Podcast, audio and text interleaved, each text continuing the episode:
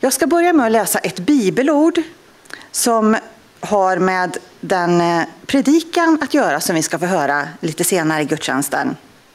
Och jag ska läsa ifrån Apostlagärningarna, det nionde kapitlet, ifrån vers 3. Men när han på sin resa närmade sig Damaskus omgavs han plötsligt av ett bländande ljussken från himlen. Han föll till marken och hörde en röst som sa till honom Saul, Saul, varför förföljer du mig? Han frågade Vem är du, Herre? Jag är Jesus, den som du förföljer. Stig upp och gå in i staden så får du veta vad du ska göra. Hans reskamrater stod förstummade. De hörde ju rösten, men de såg ingen. Saul reste sig upp, men fast hans ögon var öppna så kunde han inte se. De tog honom då vid handen och ledde honom in i Damaskus. Under tre dagar var han blind, han varken åt eller drack. I Damaskus fanns det en lärjunge som hette Ananias. Till honom sade Herren i en syn, Ananias. Han svarade, Ja, Herre. Herren sade, gå genast till Raka gatan och fråga i Judas hus efter en som heter Saul och är från Tarsos. Han ber och i en syn har han sett en man som heter Ananias komma in och lägga sina händer på honom för att han ska se igen. Herre, svarade Ananias, jag har hört från många håll om den mannen och allt ont som han har gjort mot mina heliga Jerusalem. Och nu är han här med full makt från översteprästerna att gripa alla som åkallar hans namn. Men Herren sa till honom, Gå, honom har jag utvalt till mitt redskap. Han ska föra ut mitt namn till hedningarna och kungar och Israels folk. Och jag ska låta honom veta hur mycket han måste lida för mitt namns skull. Ni har hört från Apostlagärningarna och jag tycker det är en väldigt häftigt ställe. Det handlar om att bli utvald.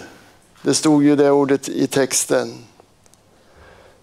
Paulus hörde Gud tala, eller Jesus tala, genom sina öron.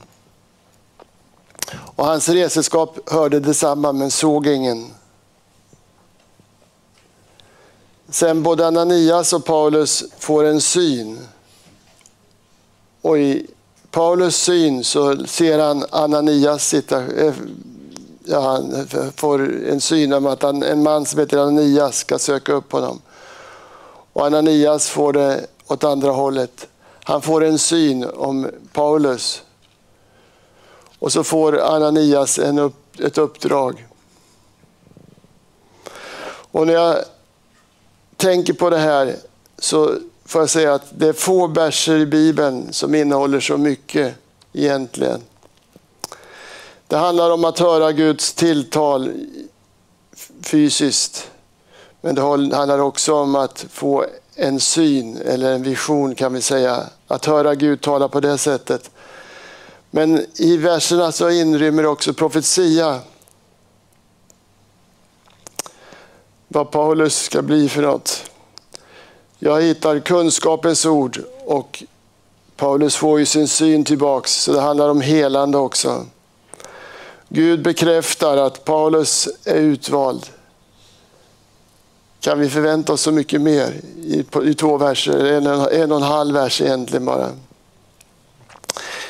När jag och Mikael bestämde att jag skulle tala idag så var det mellan jul och nyår, så det är rätt länge sedan. Det är sällan man får så lång förberedelse kan jag säga. Men det är nästan negativt. För det växer på så måste man börja kapa bort sen. Det blir för mycket man vill säga. Men då tänkte jag först att temat skulle vara Gud arbetar med dig. Men så blev det tre ord istället. Utvald, utrustad och sänd utsänd. Och de tänkte jag tala över. Jag har med mig sex bilder som, till min hjälp. Jag behöver nog lite hjälp tror jag. Vi kan bara ta den första. Ja, jag ser inte själv. Nej. Här ser vi människor som är utvalda av Gud. Och ni ser att det är olika kön, det är olika ålder, det är olika hudfärg och det innebär att Gud väljer ut ganska många. Jag vet inte om du ser dig själv i bilden. Men jag hoppas det. Kanske inte stämmer med ditt utseende, men med din ålder och ditt kön i alla fall. Gud kallar människor på olika sätt. Vi hörde ju hur Paulus blev kallad. Jag tror säkert många av er, de flesta av er känner till hur det gick till när Mose blev kallad. Och så tänker jag på Samuel. Vi hörde förra söndagen om Samuel. Och ni kan den berättelsen tror jag. Det Samuel svarade Gud är det fascinerande tycker jag. Jag tror att det kanske är den viktigaste bön man kan be. Vad är det för bön? Tala Herre, din tjänare hör. Och jag undrar, ber du den bönen någon gång? Det behöver vi göra varje dag egentligen. Vi läser i Matteus 22.14 att många är kallade men få utvalda. Och jag vet att det är många som har bekymmer med den versen. Vad är skillnaden? Och det hade väl jag också egentligen kan jag säga. Så jag gjorde som man brukar göra, jag tittade i, i bibelanalyser. Och då blev det väldigt enkelt, svaret. Jesus kallar alla. Och så läser vi i fortsättningen på det Matteus då att Jesus tar en liknelse. Han, det ska bli bröllop. Och han går ut och söker bröllopsgäster. Men många säger att de inte har tid. De har så mycket annat viktigt. De vill inte komma. Och så läser jag då där det stod i bibelanalysen då att de som svarar ja på inbjudan och förbereder sig för festen. De är beredda att leva tillsammans med brudgummen som i ett äktenskap. Och där, där ser du skillnaden mellan att vara kallad och vara utvald. Sen kommer en, ett annan bibelställe och nu blir det ännu mer komplicerat. Jesus säger också att ni har inte utvalt mig utan jag har utvalt er. Och då tänker jag så här, tänk att vara utvald av Jesus själv. Men inte på mina meriter. Nej, oh nej. Då hade ingen blivit utvald. Utan det är bara på grund av nåd som vi blir utvalda. Vi läser i första Korinthierbrevet 1 och 28 orden som jag tror vi kan allihop. Det som ingenting var utvalde Gud. Man blir inte utvald för man är någonting, för man kan någonting. Nej, vi kommer senare att ta upp varför man blir utvald. Vi kan ta nästa bild. Det här är Jesu ord. Följ mig så ska jag, ska jag göra dig till människofiskare. Och jag betonar ordet jag. För det är så jag tror man ska se det. Vi kan inte göra oss till människofiskare, någon av oss. Det är bara en som kan förändra oss på det sättet. Och det är jag. Det är nämligen Jesus.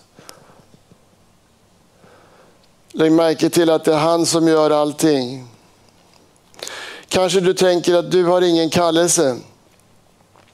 Men jag tror att de flesta här, kanske allihop, har upplevt en kallelse.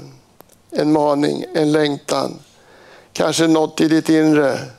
Något som gjorde att du lämnade ditt liv till Jesus. Jag skulle vilja säga att tron är inte bara någonting som vi bär i hjärtat. Nej, ska det vara riktigt så måste tron bäras i händerna, i fötterna, hela vår kropp. Att följa Jesus är inte bara ett val en gång i livet. Nej, vi väljer egentligen varenda dag. Och en maning till dig. Vi kan inte, någon av oss, leva på gamla välsignelser. Om de sen var igår eller för 40 år sedan. Nej, nåden är ny varje dag läser vi.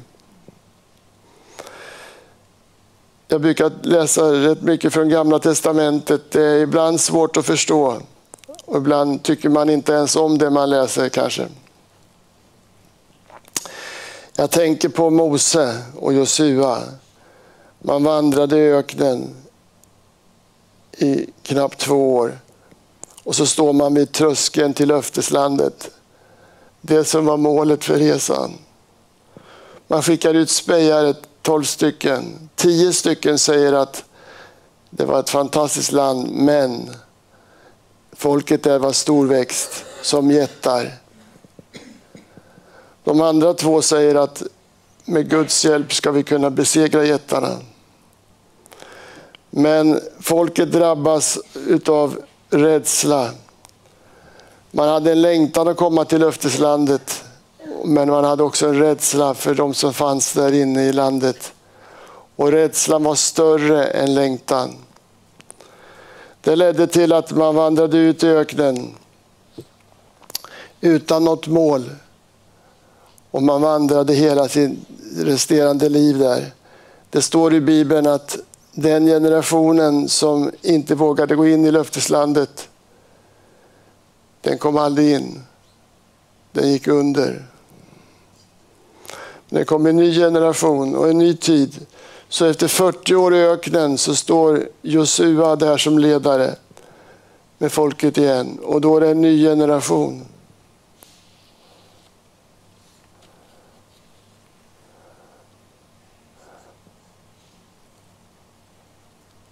Och ni vet vad som händer. Man vandrar in i löfteslandet, även om det är mycket kamp också. Och då skulle vi titta på nästa bild. Att vara, att vara lärjunge är ju att vara utvald. Men det är också att vara utrustad, eller bli utrustad. Jag tänkte berätta en händelse från 1969, september månad. Jag minns inte vilken helg det var, men jag hade precis börjat studera i Stockholm då. Och jag var på Full Gospel Businessmens möte. Man hade en helg i Konserthuset i Stockholm. Och jag var där. Det var smockfullt kan vi säga. Det var talare och sångare från det stora landet i väster, Amerika. Jag har ingen aning om vad talaren sa, det minns jag inte. Men sångaren minns jag, jag tror jag aldrig kommer att glömma honom. Han var en bit över två meter lång och han var rätt storväxt på den andra ledden också. Han hade en otrolig basröst. Jag tror att vid den tidpunkten hade jag aldrig hört någon med så kraftig basröst som han. I came from over there, sa han. Han kom från Amerika. Han sjöng, och han sjöng fantastiskt bra. Han sjöng sju sånger den gudstjänsten. Och jag blev häpen. Inte bara jag misstänker jag.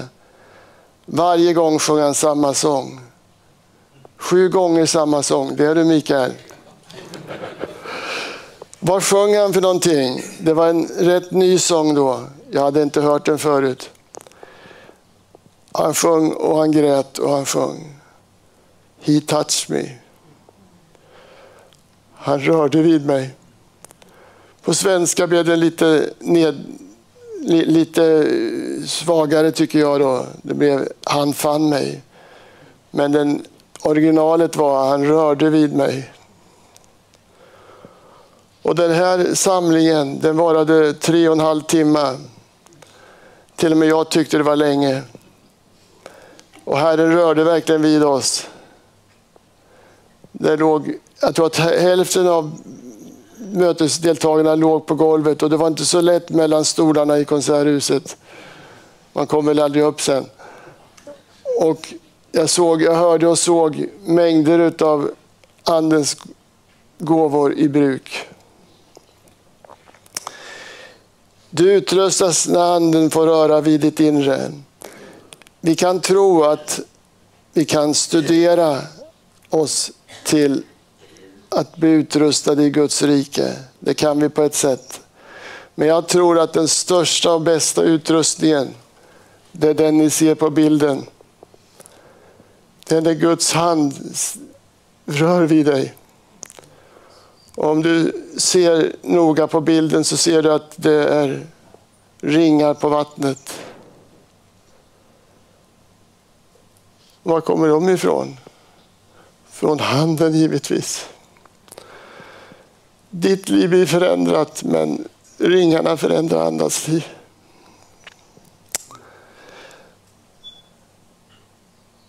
Det är inte svårt att hitta bibliska exempel på där Gud samarbetar med sina barn.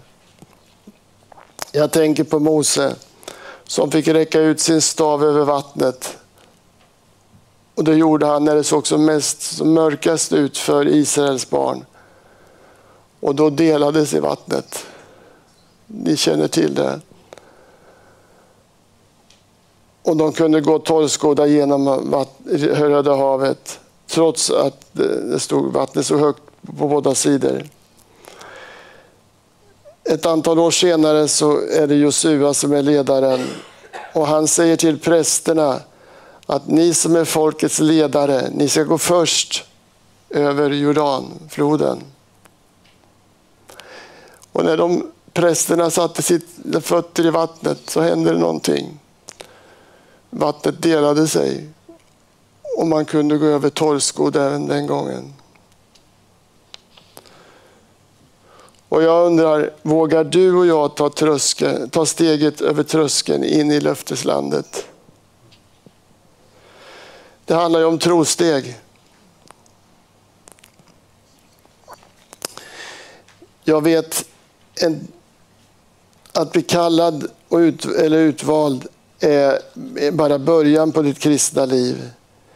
Vi läser i Jeremia bok om hur krukmakaren, och då tar vi nästa bild, fick börja om med kärlet och det kan drabba vem som helst.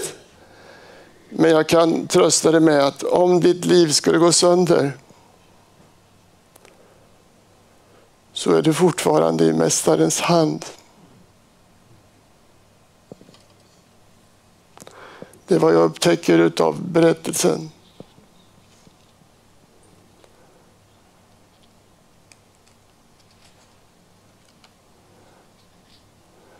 Vi kan tänka på lärjungarna. Jag gillar den här historien. Den berättelsen, den är ju sann. Brödundret. Jesus tar bröden och fiskarna i sina händer och han sträcker upp dem mot himlen och han ber för dem. Han tackar Gud för vad som ska ske. Och så delar han bröd och fiskarna och ger lite till var och en, till varje lärjunge. Som ni förstår så blev det ju väldigt lite då. Och jag tänker mig att det, rym, det rymdes väl i ena handen. Mer kan det inte vara. Och så hör lärjungarna att Jesus säger att dela ut till folket. Och de tittar säkert på varann och undrar vad menar Jesus? De förstår inte. Men de där orden att dela ut till folket ringer i deras öron. Petrus, jag tror att de andra lärjungarna tittar på Petrus för han var ju oftast den som var modigast. Och Petrus efter ett bra tag så tänker han att jag måste göra som Jesus säger. Så han tar kliv ut till folkmassan. Han bryter en bra bit av brödet och ger till den första. Och så bryter han kanske nästan det som man trodde var kvar till nästa. Och när han tittar i sin hand så ser han, vad ser han? Han ser att bröd och fisk är fortfarande kvar i händerna. Och de andra lärjungarna börjar göra likadant. Och så håller de på tills alla är mättade. Och ni vet, det var många. Och jag undrar, kan vi hamna i samma situation? Ja, jag tror vi gör det ibland. Det har varit situationer då vi upplever att hur ska det vi läser i Bibeln, hur ska det kunna genomföras? Men nu får vi tänka som Petrus. Jag skrev här att om lemmarna inte lyder huvudets impulser, vad sker då? Ja, svaret är jätteenkelt, som enligt min uppfattning. Det händer inte ett dugg. Ingenting händer. Jag ställer mig frågan, när förmerades bröden? Och det var inte först att göra. Nej, jag tror det var mängder av teologer som hade gjort det. Men det var inte många förslag. Det var nästan samstämmigt allihop. Bröden förmerades, det blev synligt skrev de då för att vara försiktiga. Det blev synligt först då lärjungarna delade ut. Alltså skedde undret i lärjungarnas händer.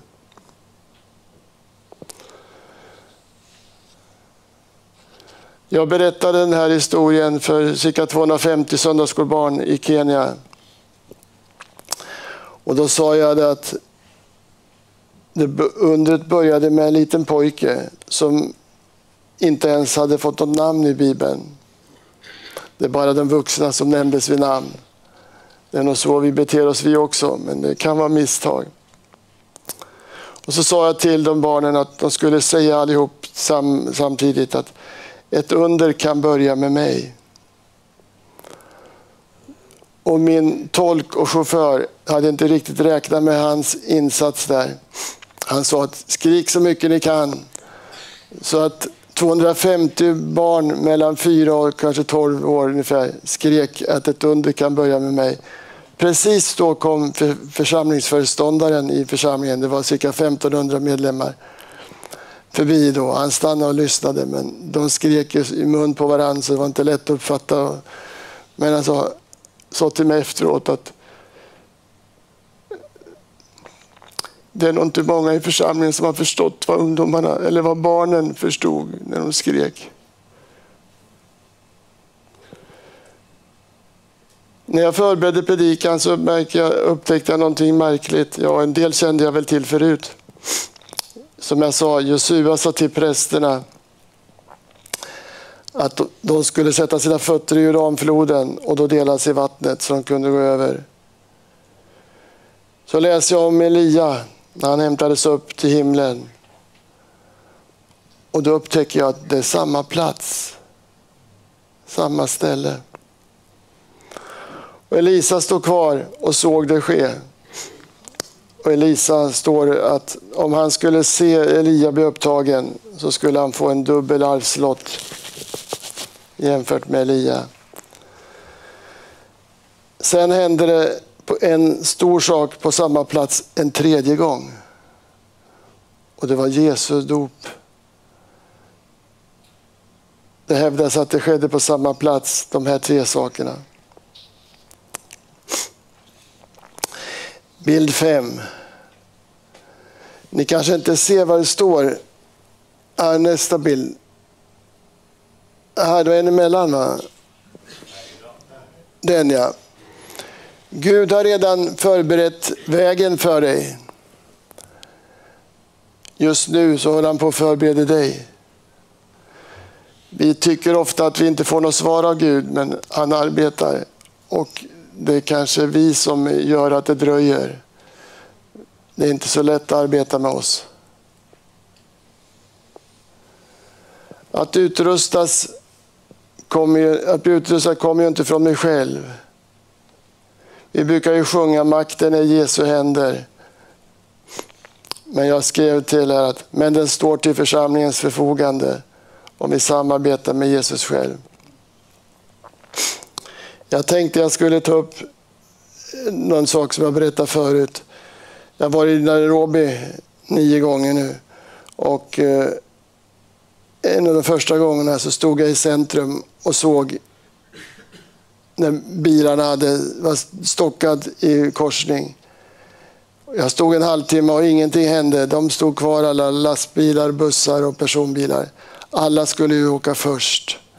Och då vet du hur det går, då går det inte. Ingen kom därifrån. Efter en bra stund så kom det en uniformerad kvinna. Hon var rätt så kort i växten. Och på något sätt så stängde man av stopp, trafikljusen. Och hon tog på sig stora handskar, vita handskar. Klev ut mitt bland alla bilar. Och det var ju ingen fara för ingen kunde ju köra någonstans. Och så började hon dirigera och på ett par minuter så var proppen löst. Det trafikljusen inte kunde fixa, det kunde hon. Och jag förstod att hon stod där med hela polisväsendet bakom sig och du såg alla bilisterna. Och på liknande sätt är det för oss som Guds barn. Vi kan inte göra så mycket, men vi får agera i, i vår uppdragsgivares namn. Det här har jag nämnt en gång förut för några år sedan, kanske sen vi gick samman, jag tror det, men jag vet inte.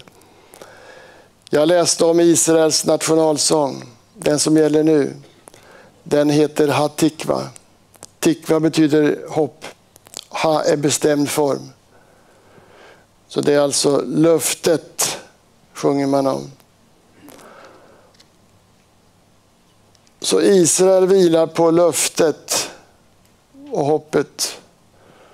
Och det var därför jag tyckte att Mikael skulle sjunga den sång han började med, eller sjöng. Att löftena kunna svika. Vi får sjunga precis som Levi Petrus gjorde, att löftena kunna svika. Och du sjöng med hoppas jag. Nationen Israel vilar på, på löften och det gör våra liv också. Jag tittade i den nya översättning, The Message, på svenska. Och då ska jag läsa från den, en och en halv vers. Men ni har sett och hört det, för Gud har genom sin ande öppet visat för er att anden nöjer sig inte med att stanna på ytan, utan dyker ner i Guds djup till att visa på Guds avsikt. Om du inte förstod orden så ska jag visa dig. Jag tog en av frugans lökar, gul lök här i morse. Det såg hon inte, men det gjorde jag. Och en lök har ju många lager. Jag vet inte hur många och jag är försiktig att ta i den för det, det blir skräp. När du har tagit del av första lagret så finns det ett nytt. Och när du tittar på det så finns det ett nytt. Och så kan du hålla på så en bra stund. Du lär känna Gud lite grann. Det är första laget. Men du behöver tränga vidare. Anden behöver tränga in. Inte ligga kvar på ytan. Vi upptäcker Gud en bit i taget. Och jag tror att lära känna Gud, det är en livslång process. Han är mer fantastisk, mer större än vad vi kan förstå. Så vi får ta en bit i taget.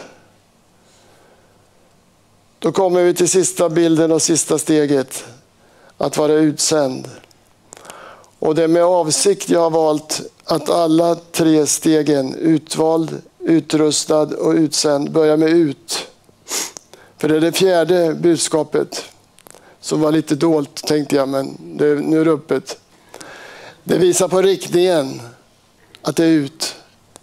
Vår uppgift är alltså att leva ut vår tro i samhället, bland våra grannar. Det är vårt uppdrag. Och jag tror att det är precis som jag har presenterat det nu, att vi vill att vi ska bli fullt utrustade innan vi sätts ut. Men då kommer vi aldrig ut, mina vänner. Jag tror att bli utsänd är en del av utrustningen. När jag var ung, jag hade inte sånt jobb när jag började arbeta, men så vet jag att det fanns mästare och gesäll, hantverksyrken. Du lärde dig den långa vägen. Du fick följa med, gå med någon mästare. Du fick se hur han gjorde. Du fick pröva på själv. Och så småningom hade du lärt dig. Jag tror att det är så det vi lär oss idag också. Jag tänkte ta upp det som Tilly tog upp för några veckor sedan. De 70 sänds ut. Det är lite lustigt, när jag var ung i 1917 års översättning som jag hade då, så var de 72, men numera är de bara 70.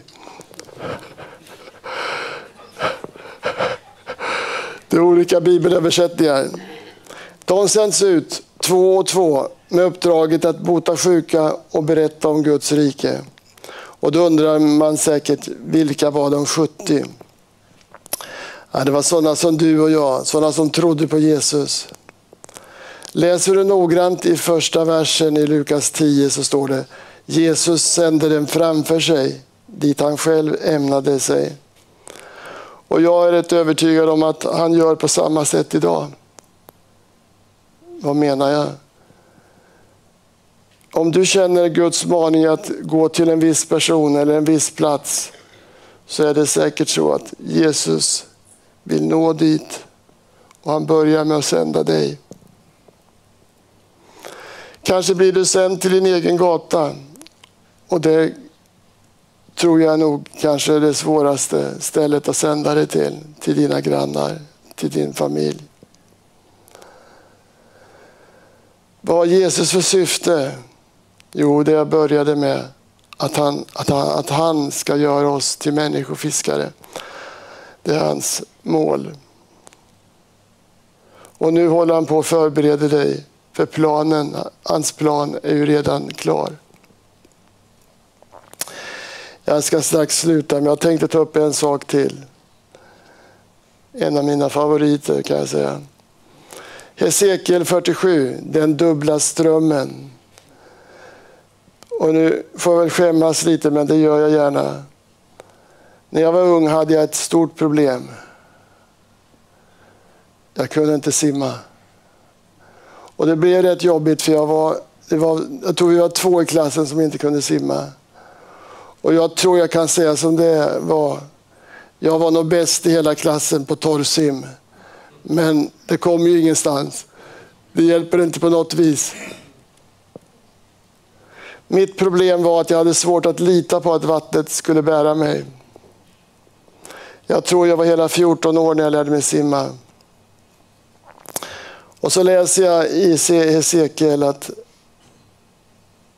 den han beskriver, om det är honom själv eller någon annan, gick ut i vattnet så det nådde till vristerna. Och så brukade jag också göra, och gör väl fortfarande, om jag ska bada. Man vill känna på temperaturen i vattnet. Är det kallt? Eller är det varmt nog för att kliva i? Hesekiel beskriver att han går vidare. Det räcker till knäna.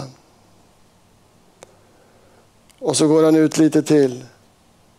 Och då räcker vattnet till höfterna. Och som jag uppfattar det så intalar det om halvhjärtad efterföljelse. Till sist går Hesekiel ut så långt att han inte bottnar längre. Vattnet får bära honom. Han får simma.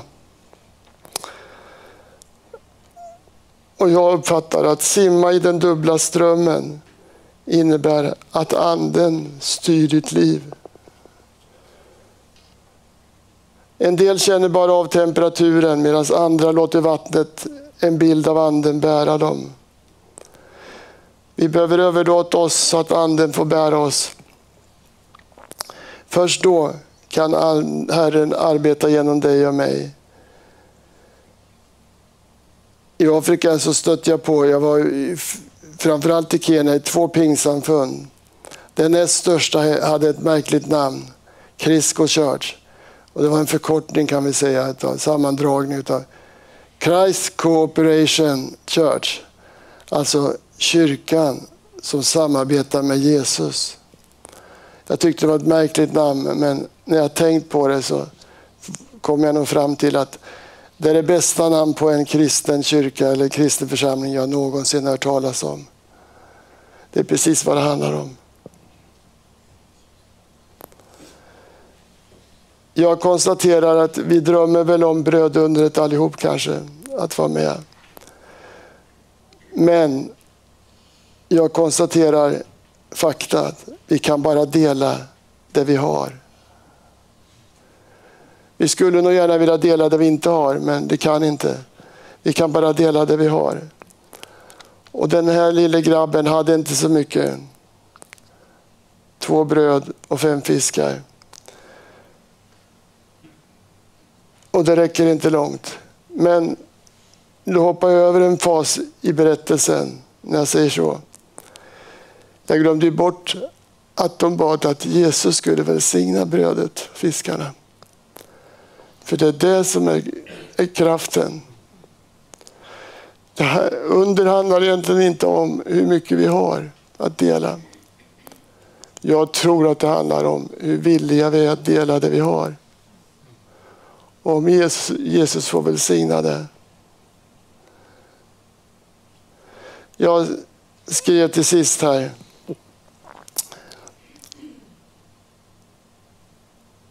Jesus frågar aldrig vad du kan.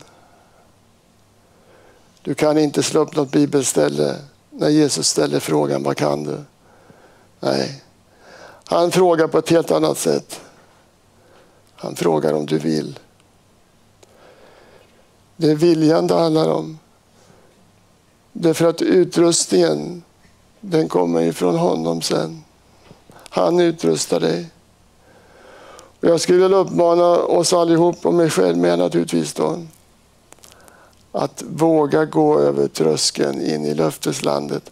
Och då menar jag inte himlen, även om det, vi har det som mål också. Men i Guds rike, där Gud har all makt, där under och tecken kan ske. Jag tror att vi ska inte läsa Bibeln bara och se vad som har hänt. För det står i min bibel, din också, att Gud han är densamme. Det innebär att det vi läser om, det kan hända igen. Och jag ska sluta med att säga att jag läste om en grupp på 20 stycken pastorselever från USA som gjorde en resa till Storbritannien. Man skulle kontrollera eller titta på John Wesleys, där han hade undervisat metodisternas grundare och ledare. Och när man kommer dit så tittar man på det här. Pastorsskolan hade blivit museum nu då, vid den här tidpunkten. Och när man skulle samlas i bussen igen så fattas det en av de unga männen. Det var bara män på den tiden.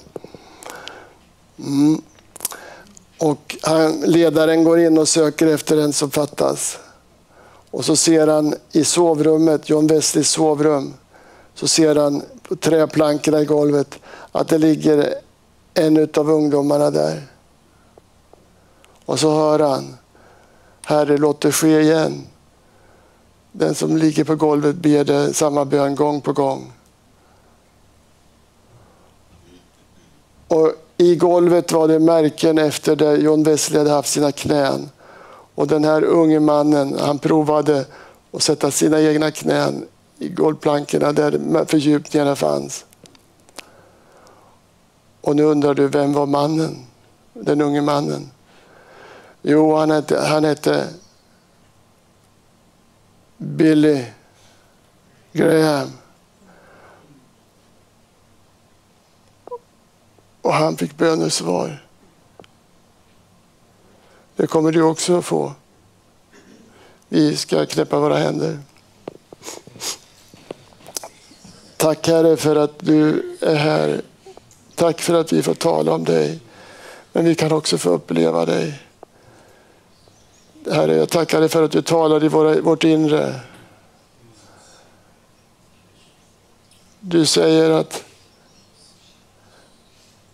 jag kan förändra dig. Jag kan göra dig till vem jag vill. Gå ut i tro på min, min styrka, inte din egen. Vi tackar dig för Herre att du har talat. Välsigna oss idag och hjälp oss att försöka leva efter det som vi har hört idag, Herre. Tack Herre för att du följer oss varje dag. Amen.